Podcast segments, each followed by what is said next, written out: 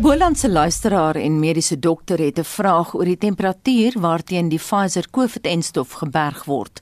Die aanvanklike aanbeveling was dat dit teen -20 tot 70 grade Celsius gestoor moes word. Helaas het ons nie die kapasiteit om dit teen daardie temperature te berg nie. Dus berg medisyne dit teen 2 tot 8 grade Celsius vir gebruik binne 5 dae. Nou word daar egter gesê dat dit vir tot 30 dae teen die temperatuur geberg moet word. Maar hoekom hierdie ommeswaai en kan die publiek die effektiwiteit daarvan dan vertrou? Vra die medikus want naamloos wil bly, maar luister self na sy WhatsApp boodskap aan ons. Dit het nou maar eers vanmiddag gesurface hier by ons, ehm um, omdat ek die vraag gevra het, jy weet, uh, ons het ons het 'n dilemma met die verkoeling opwees en toe sê hulle okay daar's 'n nuwe ding aan die kom en toe skielik kry ons dit nou dis nou 30 dae wat nie nie vir my lekker sin maak nie. So ek sal graag dat dit net 'n bietjie geprobe word want uh iewers pas die skoen nou weer nie vir iemand nie en jy weet daar's mos nou die storie van dat dit logisties 'n lekker ehm um, cash cow was om nou al hierdie minus temperature te te handhaaf en daar's 'n klomp mense wat kan geld gemaak het in die cold chain proses uh en dis hoekom dit dan ook skielik of hoekom dit dan aanvanklik minus 70 grade was. Maar nou dat dit lyk my besig is om op te hoop en nie gebruik word nie, skielik is daai nou nie meer ter sprake nie. So dis my concern. Was dit 'n suiwer besigheidsbesluit om dit te hou by minus 70 grade of is daar werklike meriete in dit gewees? As daar meriete in was, hoekom het dit dan nou verander? Ehm um, en dit laat die vraag by my ontstaan. Dit is die is die is die uh, veiligheid van die produk steeds gewaarborg as dit dan nou skielik uh, vir 30 grade in 'n gewone yskas gebeere kan word. Ons praat veraloggend verder hieroor met Dr Angelique Kutse van die Suid-Afrikaanse Mediese Vereniging. Goeiemôre Angelique. Goeiemôre Anita en goeiemôre aan al die luisteraars daar buite kan. En ons praat ook met Dr Kloete van Vieren Infeksie Siekte Spesialist by Dremel Hospitaal in Bloemfontein. Goeiemôre Kloete. Môre Anita, môre Gustaf, môre Angelique. Klute, kom ons begin vinnig by jou. Jy het nou geluister wat jou naamlose kollega van die Boland sê. Hy is nou bekommerd oor die veiligheid van die enstof. Jy het gehoor wat sy besware is. Daar's verwarring oor hoe dit geberg moet word. Wat is jou reaksie? Ja, kyk aan net, die hele ding gaan daaroor dat hierdie die aktiewe deel van enstof is in 'n druppeltjie vet, nê. Nee, is amper 'n bietjie so botterige substansie om dit stabiel te hou en daai spesifieke formule wat hulle gebruik moet nou teen hierdie minus 70 gestoor word sodat dit ontdooi word om toegedien te word. Nou, ek dink daar 'n bietjie verwarring inkom want want uh, dit was van die begin af, dit word teen minus 70 vervoer en 'n spesiale houers met droë ys wat hulle dit in vervoer my oop lê as jy daai houer oopmaak. Uh dan koel die ding nou af en dan kan jy dit in 'n gewone yskas hou, maar jy moet binne 5 dae alles opgebruik. En uh ek moet sê ek het simpatie met met almal wat in hierdie COVID pandemie betrokke is. Jy weet dis onmoontlik om met al die nuwe goed tred te hou. Jy weet Anita ek sien uh rukkie terug 'n uh, artikel waarin hulle sê daar daar was op daai stadium 152000 navorsingsartikels oor uh, COVID gepubliseer. So dis so 50 per dag. En dis amper wel dit was 50 per dag later amper 400 artikels per dag. Dit is fisies onmoontlik om al hierdie goed te lees en by te hou. So mens kyk maar en fokus op sekere goed. En wat nou gebeur het is ehm um, onthou by in in medisyne word daar 'n groot veiligheidsfaktor ingebou. Jy weet uh, jy wil baie seker maak en dis veral met ver, vervaldatums. Jy weet jy sit 'n vervaldatum in en jy weet definitief alles sal veilig wees.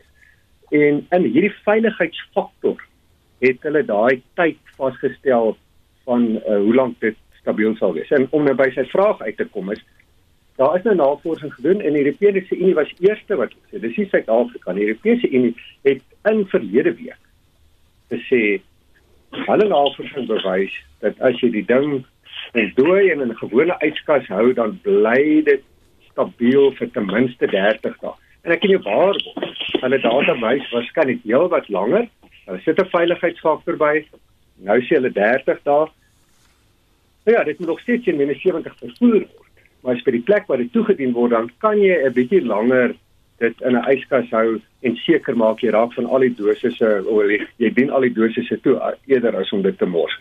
En ek dink dis nou die punt en en so ek het ek het geen probleem met dit nie. Dit is op gepubliseerde wetenskaplike feite gebaseer en dis 'n verantwoordelike manier om om te gaan met hierdie goed. So nee, ek ek is heeltemal gemaklik. Angelique, dit klink nou amper soos soos kosse verval daar. Moet jy iets om by te voeg? Is dit veilig?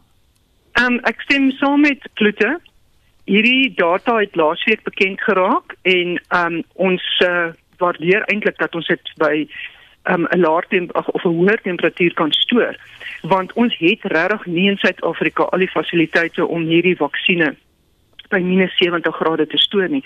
So hierdie vaksines moet eintlik tot by kan by minus 70 grade gestoor word tot sy vervaldatum daarna ehm um, ek bedoel as hy verval het of jy hom nou by -70 by 20 by 30 maak nie saak waar hy hom gestoor het en so verval het dit verval.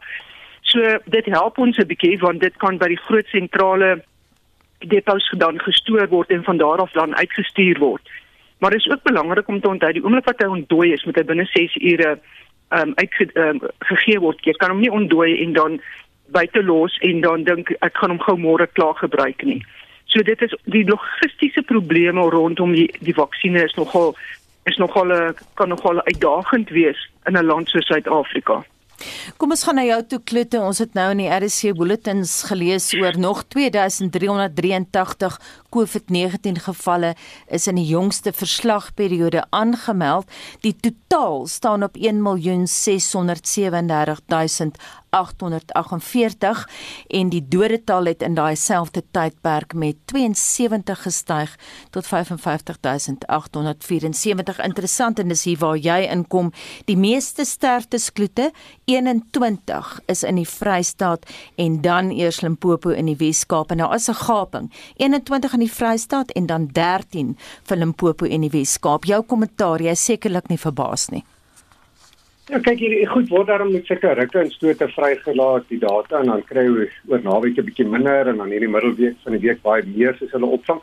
Die lang en kort daarvan jy weet ons uh, ek ek het staan gisterand in die gang met een van my kollegas en gesels en hy sê maar iemand bel hom van 'n plattelandse dorp, nie eers in die Vrystaat nie, omtrent ek dink dis 'n goeie 500 km van Bloemfontein af. En sê luister, hy het die private hospitaal in Kimberley gebel, Potchefstroom van die hospitaal in Johannesburg nie een van hulle het vir hom 'n intensiewe sorg eenheid bed nie kan hulle hom help in Bloemfontein. En toevallig was daar toe nou um, op daardie stadium 'n bed oop en hy die pasiënt aanvaar. O, dit ek sê vir sê ek eh, stap verlede week ehm um, deur deur die uh, uh, een van die van die staatshospitale waar hulle ehm um, so 'n soort van 'n noodhospitaal ingerig het om die volume te hanteer. Dit is amper soos om in 'n oorlogsone in te stap. Jy weet dit is hmm. rye op rye beddens met pasiënte wat daar lê op suurstof. En uh jy weet as iemand doodgaan daar daar dan sien ander mense want daar jy kan letterlik nie alles afskerm nie. Daar is net te veel pasiënte. Dit moet traumaties wees vir ander pasiënte om dit te sien. Jy weet uh so ek weet as jy buite rondloop dan sien jy nie vreeslik baie mense siek rond lê nie. Maar stap in die hospitale in en dit oorweldig. Jy weet en en dit is wat die Vrystaatse getalle is baie min. Ons populasie is baie klein. Ons gesondheidstelsel is ontwerp vir die groot populasie wat ons het. Nou sit ons met ordes meer pasiënte. Jy weet om a, om 'n saal te sien met 54 pasiënte in wat almal baie siek is met presies dieselfde diagnose. Waar in jou lewe het jy al so iets gesien? Ja, dit is dis en en dit uh, het 'n reuse impak op die personeel ook vir al werk. Jy weet en uh, as jy private hospitale nou begin boodskappe uitstuur en sê luister, ons kan nie roetine prosedures in teater doen as 'n pasiënt daarna na as jy hier moet beland nie want daar is nie as jy beddens oor nie dan gee dit vir 'n idee van die impak wat dit op die gesondheidstelsel het. En almal wat daarin werk en almal wat die dienste moet gebruik. Weet uh hopelik ek sien die Vrystaatse syfers begin so bietjie af te plat. Maar as ons kyk na die persentasie positiewe toetse wat hulle kry. En ek kyk met hulle toets kyk meer en baie keer minder. Maar om 'n idee te kry van hoe erg dit is, en die die aanbevole standaard is jy moet ten minste so minder as 5% van die toetse wat jy per dag doen moet positief wees. Uh ons staan nou in die land op 10.2% wat omtrent dieselfde syfer is as 17 November verlede jaar. Uh en dit was net voor ons daai reuse toename oor die Desember vakansie gehad het. En uh ons in die Vrystaat is dit nader aan die 20% in die Noord-Kaap was dit verlede week 24% van hulle toetse wat hulle doen is positief. Dit is ongekend. Jy weet dan ons wil nie mense die daar ons moet weer afgrendeling hê nie. Maar as mense nie keer dat die ding versprei nie, dan jy weet gaan dit gebeur. As al die verkeersbekamp te by die robot staan en ry mense oor die robot. Uh lyk my as die regering nie afgrendeling aankondig nie, dan gaan mense aan asof daar niks gebeur nie en dan sien ons hierdie toename gevalle. Angelique, ehm um, Kloot praat eens oor die Vrystaat en ons het gesien die Vrystaat se getalle wat so half van die voorpunt is van van 'n moontlike derde vlaag. Hoe staan sake in Gauteng en wanneer verwag jy 'n soort van 'n amptelike derde vlaag in die land? Ehm um, nie amptelik dink ek is ons in klaar ons derde vlaag want ehm um, ons sien nou veral ehm um, en op op op uh, algemene praktisyns vlak sien ons nou ehm um, regtig 'n groot uh, toename in positiewe getalle van COVID-19. Maar wat interessant is is die ehm um, COVID-19 pasiënte wat ons tans in um, op weet in in, in op algemene praktisyns vlak sien is nie vreeslik siek nie. En dis nou eintlik dis interessant maar dis eintlik waar die probleem nou inkom. Want hulle presenteer presies soos met verkoue as jy nie 'n rapid antigen test doen om te kan sien is hierdie verkoue of is hierdie ehm um, erge verkoue of is hierdie COVID-19 mis jy al hierdie COVID-19s en daai ouens gaan uit buite toe en hulle sprei om verder en soos Kloete sê ons het nie onbeperkte um, intensiewe sorg een, eenheid beddens nie. Ek sê nou vir jou ek is oortuig daarvan daar is nie voorsiening gemaak ordentlike voorsiening gemaak vir regtig siek pasiënte vir 'n derde vlaag dat daar genoeg personeel is nie as jy gaan kyk na die hospitaalbedbesetting in die privaat en uh uh um publieke sektor was dit minder as 10% in die COVID-19 vlaag gewees. Maar die probleem is, dit gaan nie oor die ou op die ou einde oor 'n bed nie. Dit gaan oor elke bed het 'n verpleegkundige nodig wat om wat vir daai pasiënt kan sorg en 'n dokter en dis waar ons probleme lê.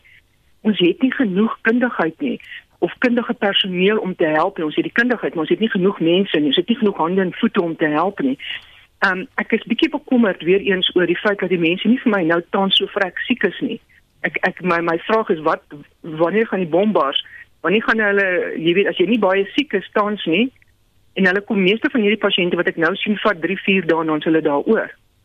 Um en um ek ek, ek wag vir die die wat as agter dit weet ek ek, ek vertrou nie die situasie soos tans nie maar daar's definitief 'n stygings in die COVID-19 gevalle in Gauteng En ek sê nou vir jou, ons toets nie genoeg nie. Daar is nie genoeg geld om te toets nie.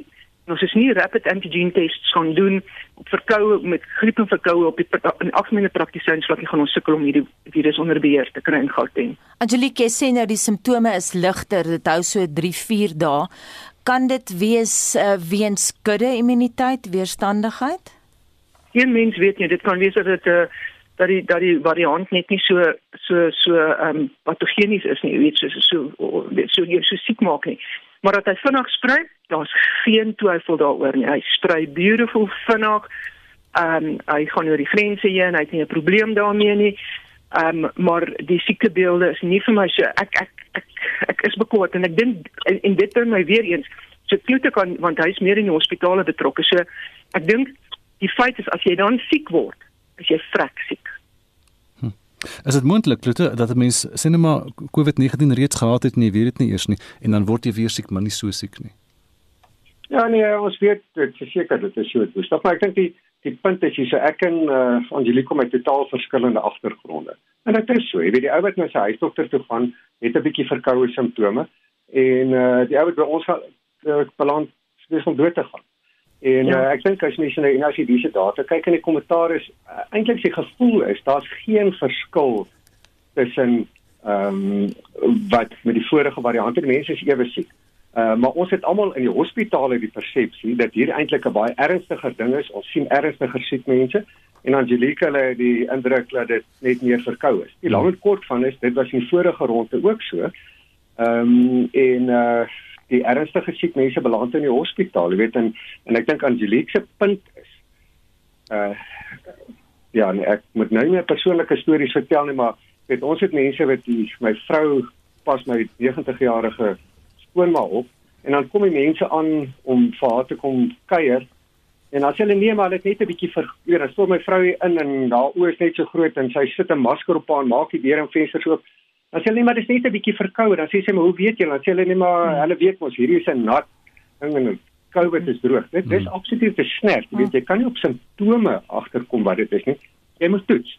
En as jy nie getoets het nie, dis waar my hele idee is, isoleer dan nou maar liewerste dan stel jy nie ander mense bloot. En ons toets mense met simptome wat net klein verkoue het, wat nie positief vir COVID nie. Maar as jy nie getoets het nie, weet jy nie en as jy dan ander mense blootstel, dan sit ons met die situasie waar Angelique die jonges in die spreekkamer sien met ligte verkoue en ons sien die span in die hospitaal wat besig is om dood te gaan. Jy weet en, en hoe meer as 1 of 2% mense doodgaan en jy 10 wat uh siek word, dan is dit niks. Maar as jy 10000 het wat siek word en 1 of 2% gaan dood, dan begin dit 'n klomp mense word. En en dis presies wat ons nou sien. Angelique, is dit 'n goeie idee om 'n griepinspuiting te kry net om te weet as jy siek word, dit is nie griep nie. Nou jy moes al jou griepspuit in hierdie hmm. tyd gekry het. Ehm um, en onthou net die griepspuite is so 65% beskerming. Ja. So ehm um, weer eens dit is altyd 'n goeie idee om griep spuite te kry vir alles jy met ander mense werk of vir alles jy in 'n situasie is waar jy kan nie bekostig om af te wees van jou van jou werk of nie. Maar die feit dat jy griepspuit gekry het, gaan jou nie beskerm dat jy nie weer kan of dat jy nie kan griep kry want ons weet ook nie in watter deel val jy? Val jy in die groep wat uh, eh, 75% beskerming het of val jy in die groep wat nie beskerming het nie? Maar dis dis altyd 'n goeie idee om dit te kry, maar jy moes hom al gekry het teen hierdie tyd. Hmm. Klute, iets wat jou na in die hart lê. Hoe voel jy oor die verbod op skolesport? Ek weet jy's nou gevra om gister 'n klomp skoolhoofde toe te spreek oor die saak. Wat het daar gebeur? Ja, kyk, net ek dink mens moet geweldige waardering hê vir die skoolhoofde. Hulle het 'n onbenydenswaardige taak. Weet, hulle probeer ons kinders ordentlik opvoed. Hulle probeer hulle skole aan die gang hou. En dan het jy uh die druk van 'n klomp ouers wat sê maar dis totaal onverantwoordelik, die skool moet se muur gesluit word. En jy het 'n klomp ouers wat sê daar's nie 'n manier wat jy die skool sluit nie, die skole bly oop en wat nie hulle kinders toets nie en hulle siek skool toe stuur. Hmm. En dan sit kleiner skole met die situasie waar van hulle onderwysers siek is en daar's nie eenvoudig genoeg genoeg onderwysers by die skool oor om toesig te hou oor al die kinders en en die leeraktiwiteite te laat aangaan nie. Uh intussen in sit die skoolhoofde en hulle probeer die saak bedryf en, en ek dink dis 'n onder onbenydenswaardige situasie om in te wees. En elke skool Ekskuus Gustav. Nee, ek wil net sê ons gaan net hierna verder gesels want ons is nou by 08 en dan gaan ons verder praat met Dr. Angelique Kutsie en Dr. Klute van Vieren en ons gaan spesifiek dan ook vra oor die uh, moontlike strenger inperkingsmaatreëls wat dalk op pad kan wees.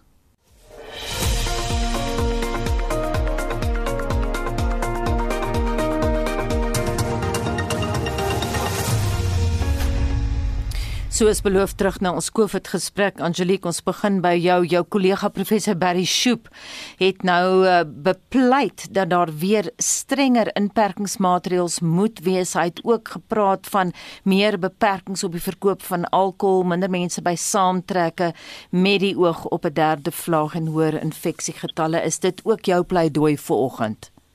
My pleidooi sou slegs wees om um, die aandklokreël ehm um, te jy weet uh, vroeër te maak sê tussen 9 en 10 in die aande in die week aan of 10 uur in die week aande en dan tussen 5 en 6 in die oggende en dan oor naweke dit net strenger te maak sodat mense by hulle huise bly.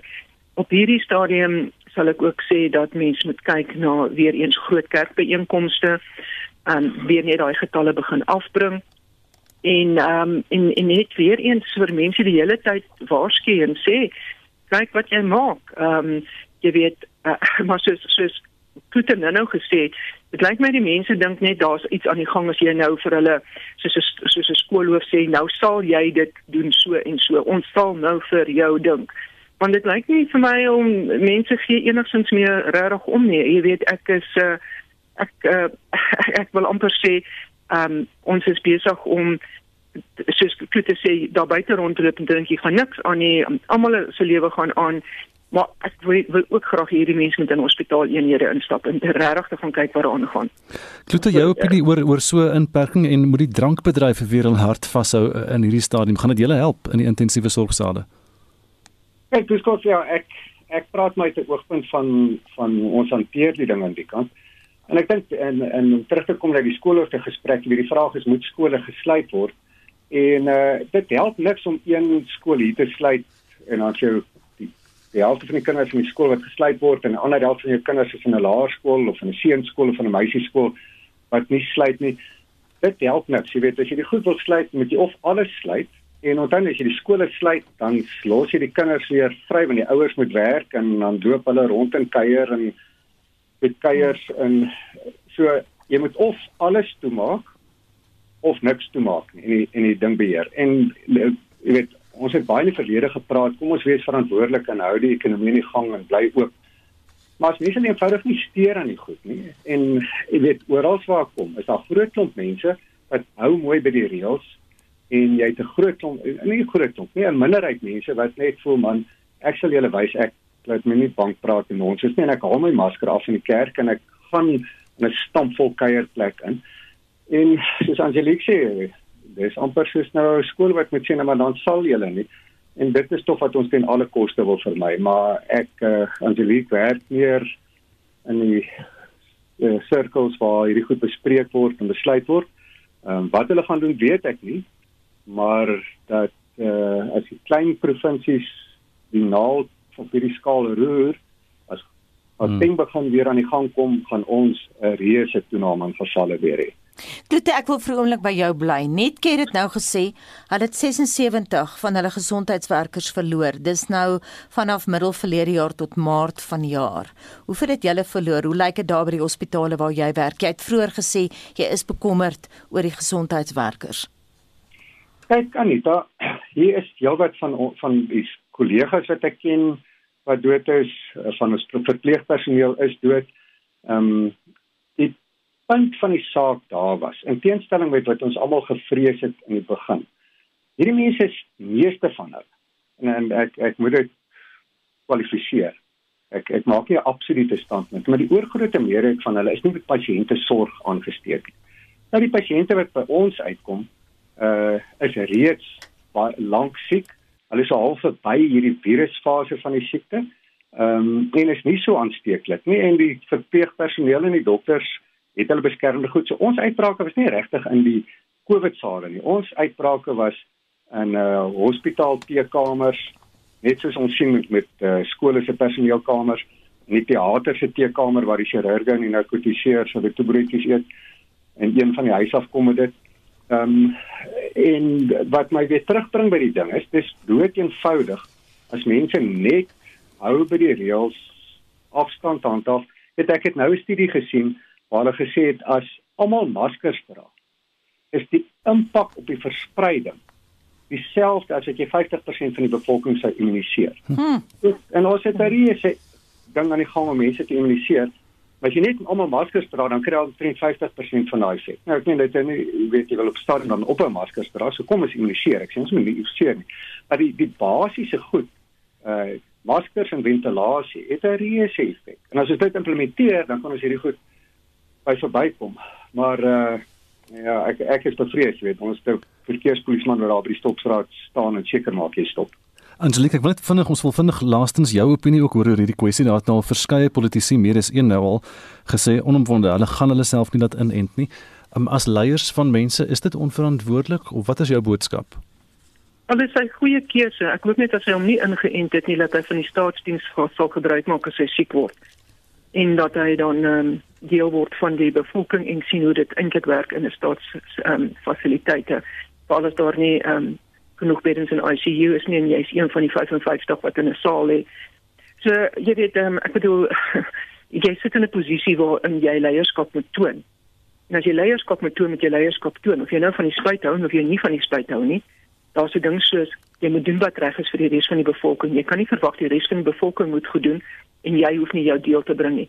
Maar soos ek sê, dis sy keuse, maar hopelik om beland hy in die publieke sektor in 'n klein dorpie. Mhm. Mm Klote hele boodskap aan die anti-vaxxers, die anti-vaxxers. Ek weet ook jy sê daar is nie genoeg enstof nie. President Cyril Ramaphosa het nou weer daaroor aangegaan tydens 'n WGO vergadering gister, maar net jou onomwonde boodskap aan ons luisteraars. Ons kry so baie navrae, veral na sekere politici se uitsprake. Wil mense nou weet, maar moet ek of moet ek nou nie? Maar ons kry ook teenboodskappe van mense sê, "O, nou dat ek gehoor het hierdie spesifieke politikus sê, uh, sê hy gaan nie inent nie, uh, gaan ek beslis inent. Jy weet so, dit kan andersom ook werk, maar julle boodskap vir oggend aan ons luisteraars. Klote. Ja, Anita, ek dink ek moet jou vra, kom ons draai jou vraag net om. En ek dink daar is so baie mense wat die enstof wil hê. En dit is meer as die helfte. En vir daai mense wat dit wil hê, is dan in elk geval nie genoeg. En en nie net in Suid-Afrika, in Nieu-Seeland en Australië sit met dieselfde probleem.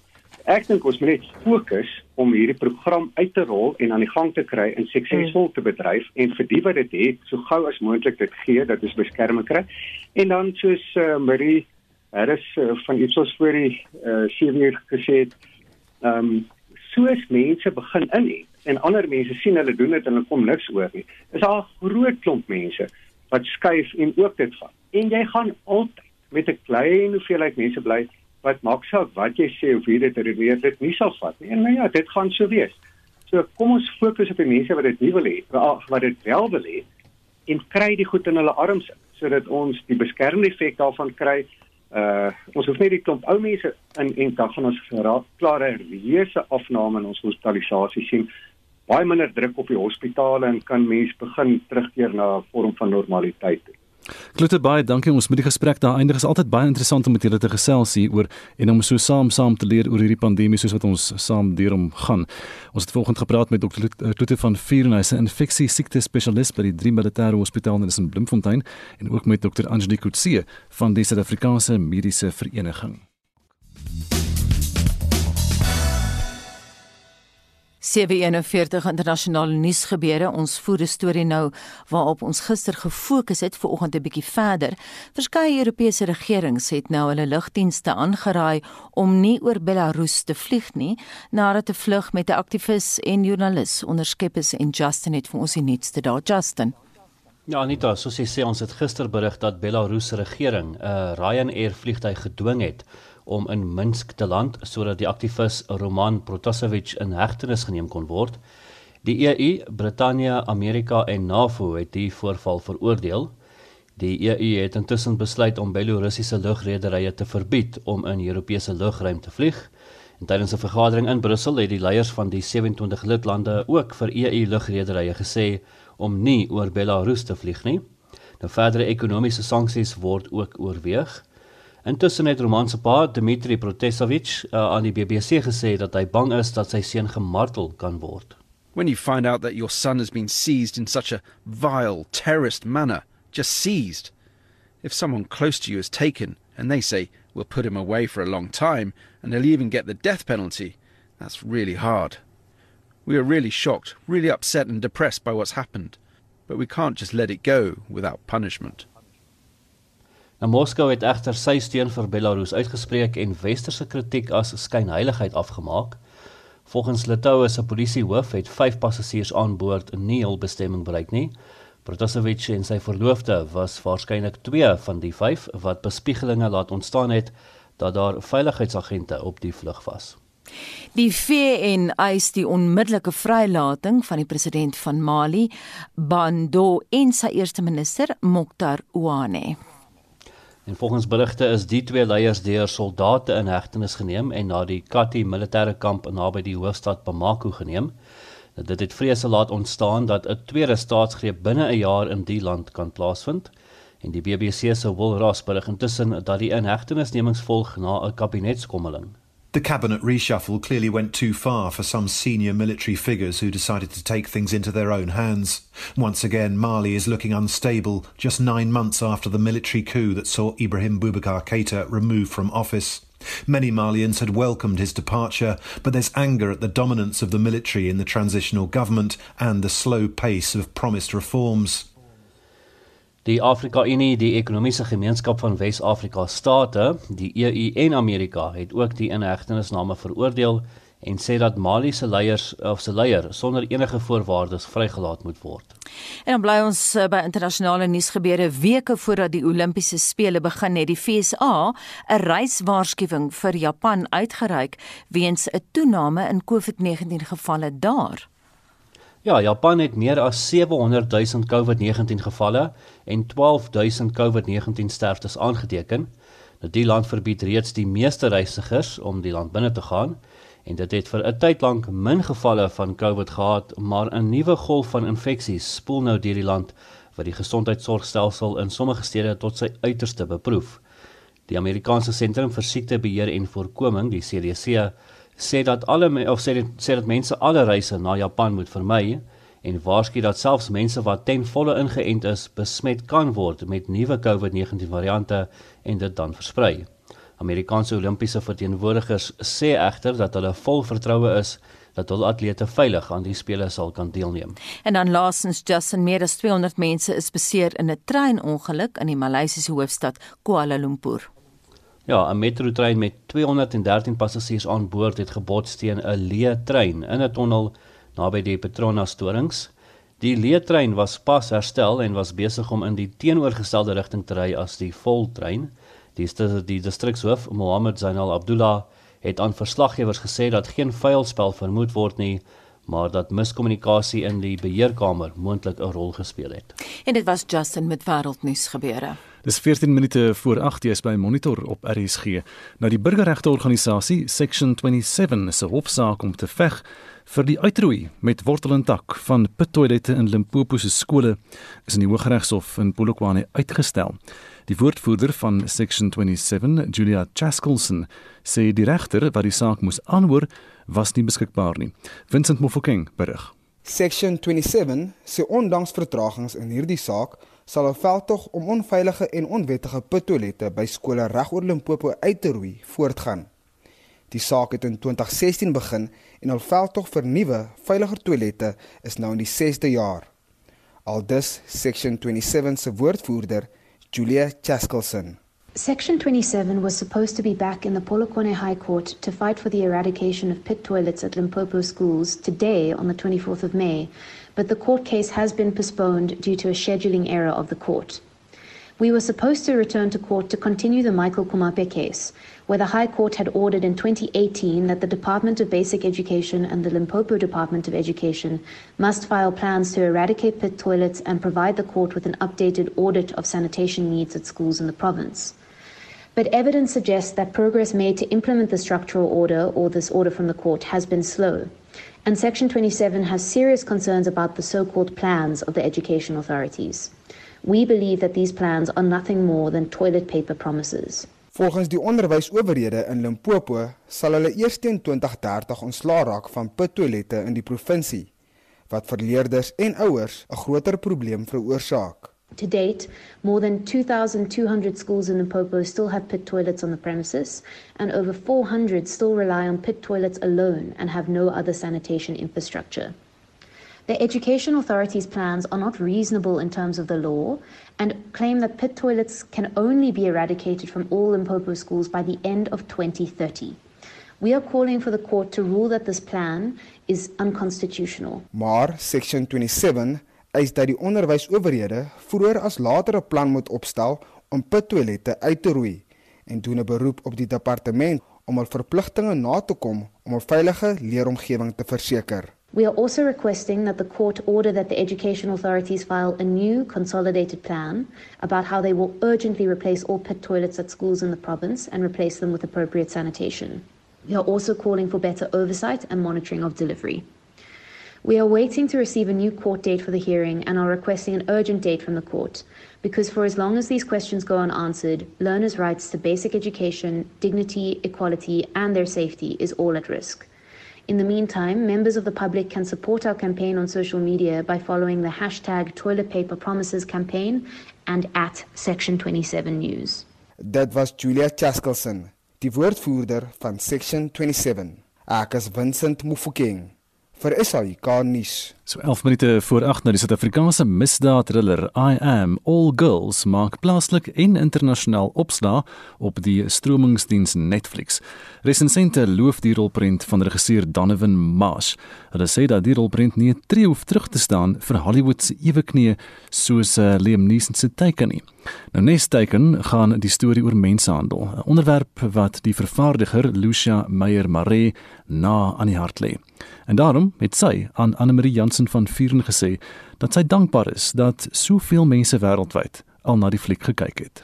I'm All Girls het wêreldwye verspreiding gekry op Netflix. Mense kry ongelukkig nie baie statistieke terug op hierdie stadium nie. Dit is die vroeë dae vandat hy uitgekom het, maar hy's in die top 3 in Suid-Afrika en in die top 10 in Amerika al die afgelope week. Waaroor gaan hierdie storie? Annelie, dit is 'n misdaadthriller wat gaan oor twee polisiedames wat die ondergrondse kinderhandel syndikaat tot lig wil bring. How many trafficking convictions did you get last year? You don't want to know. Dit is geïnspireer deur ware verhale wat gebeur het toe ek en jy in die 80s jong meisies was met 'n klomp meisies wat ontvoer was en dit was die agterbeen kan ek sê van hierdie storie en die twee polisie dames wat dit na die lig toe wil bring en net hoe moeilik dit is om dit te openbaar. All of them were smuggled. Some were used. Then killed. Daar's 'n paar pragtige oomblikke in die rolprent ook. Dit is nie alles net hartseer en swaar. Ons vier ook die lewe en ons vier liefde en vriendskap, kameraadskap in hierdie rolprent. Kan jy vir ons dalk vertel wat was van die grootste uitdagings om fisies hierdie aksietonele te laat gebeur want alhoewel jy die, nie die regisseur is nie, jy's die vervaardiger wat met hierdie kopseere moet sukkel. Dankie Anne-Marie. Weet jy Donovan Marsh ken ek ook al vir jare en my man het vreeslik baie saam met hom al gewerk en geld kan nie koop die vertroue wat ek en die uitvoerende vervaardigers gehad het in hom nie. Aksie is iets wat hy influeer en hy weet presies die regte mense in watter departemente en watter rolle te kan sit om net die beste uit dit uit te kan kry. So hy het vir my gesê wat hy nodig het. Ek het my bes te probeer om dit vir hom te gee en saam was dit net magic. Jy self het nogal 'n belangstelling in mensenhandel. Een van die eerste studente rolprente het byvoorbeeld daaroor gehandel. Hoekom het hierdie onderwerp jou nou eintlik al soveel deur jou lewe aangegryp? Ja, Annelie, weet jy, dit kom heeltyd terug op my spoor en die studentefilm waarna jy verwys se naam is Escudo. Dit het in 2006 die heel eerste SAFTA gewen vir Best Student Film. En om twee rolprente te gemaak het wat handel oor mensenhandel oor 'n tydperk van 15 jaar was eintlik vir my aangrypend om die verskil te sien oor hoe mense hierdie keer reageer daarop. 'n Studentefilm is ook verskriklik on the nose. Dit is baie grie. Ons het all out gegaan en regtig hierdie meisie se storie te vertel en die absolute hel waar dit hierdie mense gaan. En baie mense wil dit nie sien nie en hulle wil nie met daardie harde realiteit deel elke dag nê. So om hierdie rolprent te kon gemaak het waar dit nie net oor die griesame realiteite en waarhede van dit handel nie, was eintlik vir my verfrissend want mense is nou meer oop tot dit. Mense vereenselwig baie meer daarmee as gevolg van rolprente soos Teiken. Dit het regtig 'n deur oopgemaak waar mense besef dit is realiteite in die wêreld en ons moet praat hieroor en dit gebeur in enige dorp in die wêreld. Dit is die hardste realiteit hiervan. Dit gebeur 5 km van jou huis af. 'n Manier hoe ek kan kry om 'n verskil te maak. Ek meen ek doen nie naaste by so baie soos wat van die NGO's doen in die wêreld en in die land en ek meen ons twee aktrises is ook groot advokate vir menseregte en vroueregte en kinderregte. Maar my bydrae is as ek praat daaroor en ek probeer mense bewus maak daarvan en hoe meer gesprekke mens kan begin, hoe meer kan mens leer daaruit het dit jou verder ontstel hierdie navorsingsproses? Soos jy het seker baie van die onderwerp geweet, maar om dieper jy seker daarin ontgedelf het, het jy meer ontdek. Ek het Annelie, dit die realiteite van hierdie wêreld is verskriklik. Dit is verskriklik moeilik om elke dag mee te sit en te lees. En daar is 'n tyd wat jy heeltemal spiral tot in die donkerste donkerste gedagte is. my kinders, ek het 'n tweeling en hulle was 1 jaar oud toe terwyl ek hierdie rolprent gemaak het en baie van my vriende wat saam met my die rolprent gemaak het tot vandag toe nog, ons is verskriklik versigtig om ons kinders uit ons oë uit te laat. Die manier hoe kinders so vinnig ontvoer kan word, is vreesaanjaend en daar is baie min, maar tog selfverdedigingsklasse waar ouers saam met hulle kinders na klasse toe kan gaan wat vir klein kindertjies kan leer, nie 'n traumatiese ervaring nie, maar in 'n speletjie formaat vir kinders kan leer. Indien iemand jou wil gryp, gryp eerder jou ma om haar been styf vas want dit is dan moeiliker vir iemand om jou weg te dra.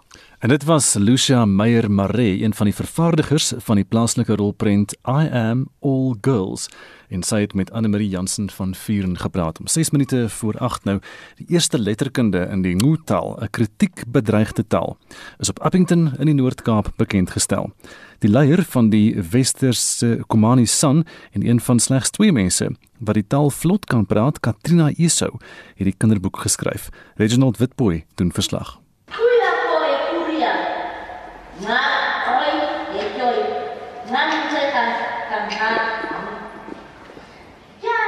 Dingutaal, 'n taal wat bewaar word deur die wat nog lewe.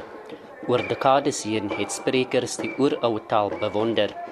Die hoofleier van die Westerse Ngu en een van die sprekers, Ouma Katrina Esau, leer ook kinders die taal by haar huis op Appington. Sy het gestry vir die taal om sy geregtelike plek te kry. En nou, met die hulp van haar kleindogter, Claudia Snyman en ander belanghebbendes, is die taal nou in 'n boek Ouma Katrina sê dit is 'n geskiedkundige oomblik in haar lewenstyd. Die boek beteken baie my kind. Van die boek, die dag as ek dood is, is daar nog mense wat hom kan lees en leer. En die boek, die kinders kan lekker leer uit die boek. En daarom is hy so gemaklik gemaak. In Afrikaans is daar Engels is daar. Hulle kan lekker, lekker en ek wat hom met diepe hart gedoen het. Dat die mense kan lees. Haar kleindogter Claudia Snyman is ewe opgewonde. Ek kan nie die gevoel beskryf. Die gevoel wat ek vandag het is baie groot en die feit dat my ouma dit nog vandag kan sien as dit vir my 'n enige emosionele uh, oomblik want uh, sy het baie lank gewag vir die boek en om dit vandag self te kan beleef en self te sien is 'n groot voorreg vir my. Ek is baie excited en ek is bly en ek, ek, ek kan dit beskryf nie. Die Pan-Suid-Afrikaanse Taalraad het beloof om die boek in die argiewe te plaas. Die Noord-Kaapse Kuns en Kultuur, Jali R. Desiree Finis, sê die boek sal by alle biblioteke in die Noord-Kaap beskikbaar wees. Dit wat ons nou besig is om te doen, is ons help met die uitdagings vir ouma Katrina en soos die language board gesê het, hulle is besig om virtuele recordings te doen om die taal te preserve. Ons gaan die boek by Puku Children's Foundation aankoop en dit versprei in elke biblioteek in die Noord-Kaap. Pingu Woordeboek op versoek deur president Cyril Ramaphosa word verwag om teen September of November bekend gestel te word.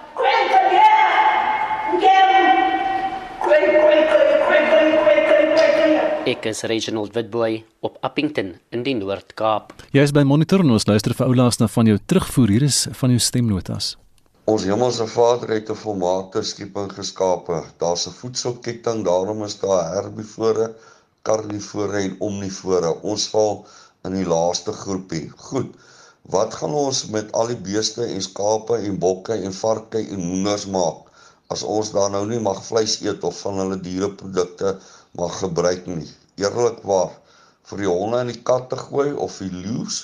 Hoe gaan predatore soos leeu's oorleef byvoorbeeld? Dit is rooi die hier van uh, Aggeneys. Daar's 'n manier nie. Ons love ons vleis en ons lekker vette. Ooh, dis fantasties, lekker. Mm. Pieter wat praat. Ja, Greta is waarskynlik maar vegan. Toe die verlore seun by die huis gekom het, het sy pa nie gesê gaan slag vir ons die vetgemaakte pampoen nie. Hy het gesê gaan slag vir ons die vetgemaakte kalf. Dit is alom bekend dat die ou mense wat geglo het in die goeie ou wat hulle genoem het chicken broth.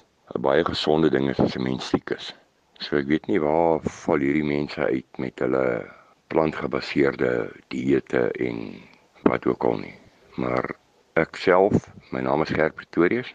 Chicken broth is 'n baie gesonde ding en dit maak jou baie gou gesond as jy siek is.